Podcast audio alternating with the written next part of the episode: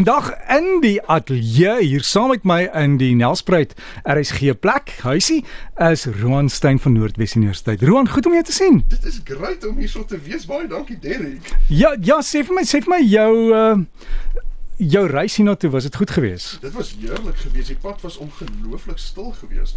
Uh, ons het daai N12 gery al die pad tot waar die N4 bereik waarvan tussen Potchefstroom en Nelspruit en dit was dit was regtig aangenaam geweest, maar soos jy vroeër genoem het, ek dink dit is as gevolg van mense wat eintlik maar nie nou regtig iewers heen gaan nie. Hm. En tydsbeheer vir diere? o, en tydsbeheer vir diere, ja. ja, so goeiemôre luisteraars aan jou daar by die huis ook. Um, Vanoggend se omgewingspraatjies gesels ons oor die verskillende maniere waarop diere en mense tyd ervaar. Die die persepsie van tyd vir verskillende diere en mense is 'n baie interessante studierigting en uh, en ek dink ons almal kan eintlik maar aanklank vind daarmee want soms voel dit asof tyd vreeslik stadig verbygaan en ander kere voel dit nou weer asof dit vreeslik vinnig verbygaan. En uh, hierdie gevoel wat ons kry, um, ons ons eie persepsie as dit ware van tyd is nou nie uniek nie. Um, alle mense ervaar dit. Maar wat dit presies veroorsaak is nog nie eintlik heeltemal vasgemaak maak nie. Nou as ek gou-gou 'n sytak argument kan aanvoer, jy weet uit die sielkunde uit, ehm um, word daar 'n hele paar voorstelle gemaak wat verskillende persepsies van tyd veroorsaak. Ehm um, die eerste teorie uh, verwys na die feit dat ons baie maal ehm um, dat kinders so persepsie van tyd heelwat vinniger is as um, as vir ouer mense. Nou uh, byvoorbeeld ons kan sien baie maal um, in 'n skooldag vir kinders onsaglik stadig verbygaan en uh, dit versteur natuurlik kinders geweldig baie. En um, en uh, frustreer sal mense eerder sê. En in teenstelling sien ons dat uh, dat die tyd vlieg nou weer vir ouer mense. Nou een van die teorieë is, is gebaseer op die feit dat 1 jaar vir 'n 10-jarige kind is maar 10% van van hulle lewe en min of meer 15 of 20% van hulle lewe wat hulle wel kan onthou. Um, en dit veroorsaak hierdie persepsie dat tyd vreeslik stadig voel.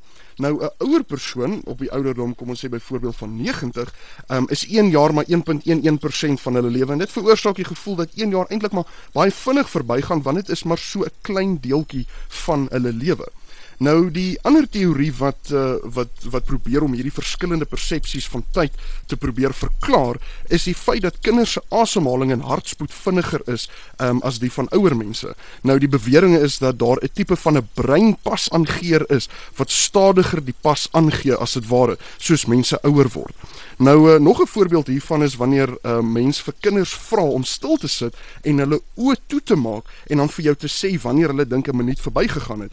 Um, en hierdie speletjie is derduisende maal herhaal en dit blyk asof kinders oor die algemeen na 40 sekondes noem dat hulle dink 1 minuut ver, verbygegaan het. So hulle persepsie van tyd is vinniger um, of of stadiger eintlik nou. So dieselfde is nou gevra vir ouer mense en hulle het oor oor die algemeen gesê dat tussen 60 en 70 sekondes nadat 'n minuut verbygaan het, dink hulle dat 'n minuut verbygegaan het. So ons weet dat die persepsie van tyd tussen ouer en jonger mense is baie verskillend en ons kan nou natuurlik spekuleer oor wat dit veroorsaak. Nou die rede waarom ons hieroor gesels vanoggend is omdat dit blyk dat verskillende diere ook tyd op verskillende maniere ervaar. Nou dit is nou nie maklik om hierdie tipe navorsing te doen nie. So dit neem vreeslik lank om dit reg te doen. Maar basies wat hierdie wetenskaplikes gedoen het, is hulle het gebruik gemaak van 'n sogenaamde kritiese flikker samesmeltingsfrekwensie metode. Nou die die basiese beginsel waarop hierdie metode baseer is, is om te kyk teen watter frekwensie 'n lig geflikker kan word voordat die dier dit sien as een aanlopende lig. So byvoorbeeld as ons TV kyk, dan is dit uh, eintlik ons net eintlik 'n klomp stilstaande fotos of rampies wat vreeslik vinnig na mekaar gewys word om die indruk te skep dat dit aan een loop soos op 'n video. Maar dit werk net so om omdat mense nie die verskil in die verskillende fotos kan sien as hulle tussen 25 en 30 fotos per sekonde flikker nie. As daar net 5 sekonde uh, 5 fotos per sekonde geflikker word, dan sal ons dit kan raak sien as individuele fotos.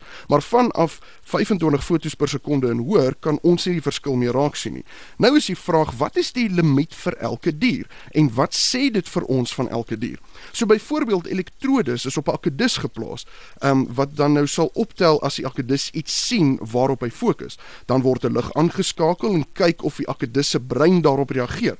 Dan word die frekwensie hoër gestel tot dit duidelik is dat die akedus se brein net een lig sien of een sein sien, alhoewel dit nou eintlik net baie vinniger flikker. Nou hierdie proses is herhaal vir heelwat verskillende diere en ek dink die oorspronklike artikel wat gepubliseer het, uh, gepubliseer is, is het, het daarop gewys dat daar 30 verskillende spesies getoets is en dit sluit nou knaagdiere in en akedisse soos wat ek vroeër genoem het, duwe, honde, katte, skilpaaie en die resultate luisteraars was werklik baie interessant geweest. Hulle het duidelik gesien dat daar 'n groot verskil is tussen die groot en die klein spesies wat hulle getoets het. Uh die kleiner spesies, dit is nou fisies kleiner, het tyd baie stadiger ervaar as die groter spesies. Dit wil sê die kleiner diere kan onderskei tussen elke individuele of enkele lig um, wat geskyn word by 'n hoë frekwensie. Byvoorbeeld, hulle het gesien 'n vlieg kan inderdaad onderskei tussen 'n 100 enkele ligflikkers per sekonde voor dit uh, vir hulle begin lyk soos een aanhoudende lig wat skyn. Nou dit beteken 'n mens kan amper sê alhoewel dit nou nie heeltemal wetenskaplik is om dit so te stel nie, maar 'n mens kan so 'n bietjie tong en netjie sê dat dit beteken dat vlee ervaar tyd dalk 4 maal vinniger as mense. Dit wil sê vlee kyk na ons en dink ons beweeg vreeslik stadig. Ehm um, wat baie wat natuurlik ook baie interessant is is wanneer daar na honde gekyk word. Honde kan amper 50 enkele ligte per sekonde van mekaar af onderskei.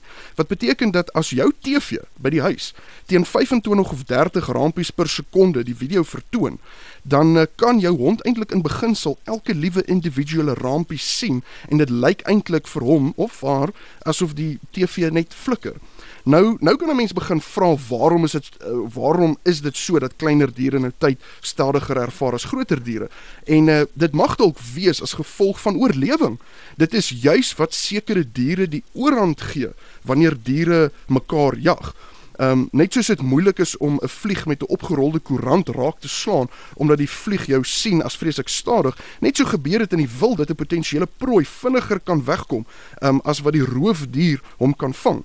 En nou dit is pure oorlewing wat hier ter sprake is. Nou daar is voorbeelde daarvan ehm um, al waargeneem in die natuur, byvoorbeeld soos vuurvliegies of diepsee diere ehm um, wat dan flikker die die flikker van lig gebruik om mekaar te waarsku of te kommunikeer sonder dat die groter diere dit sien ehm um, wat dit eintlik maar net uh, hulle sien nie die flikkers nie hulle sien eintlik maar net een lig wat die heeltyd aanbly. Nou dit is ook belangrik om te noteer dat dit help nie vreeslik baie as 'n dier uh, die regte oë het om so vinnig tussen flikkers te onderskei nie, maar nie die brein het um, om dit te kan daai iets met daai inligting te kan doen nie. So hier sien ons dat selfs die klein diere is glad nie so onnoosel soos wat ons dalk dink nie.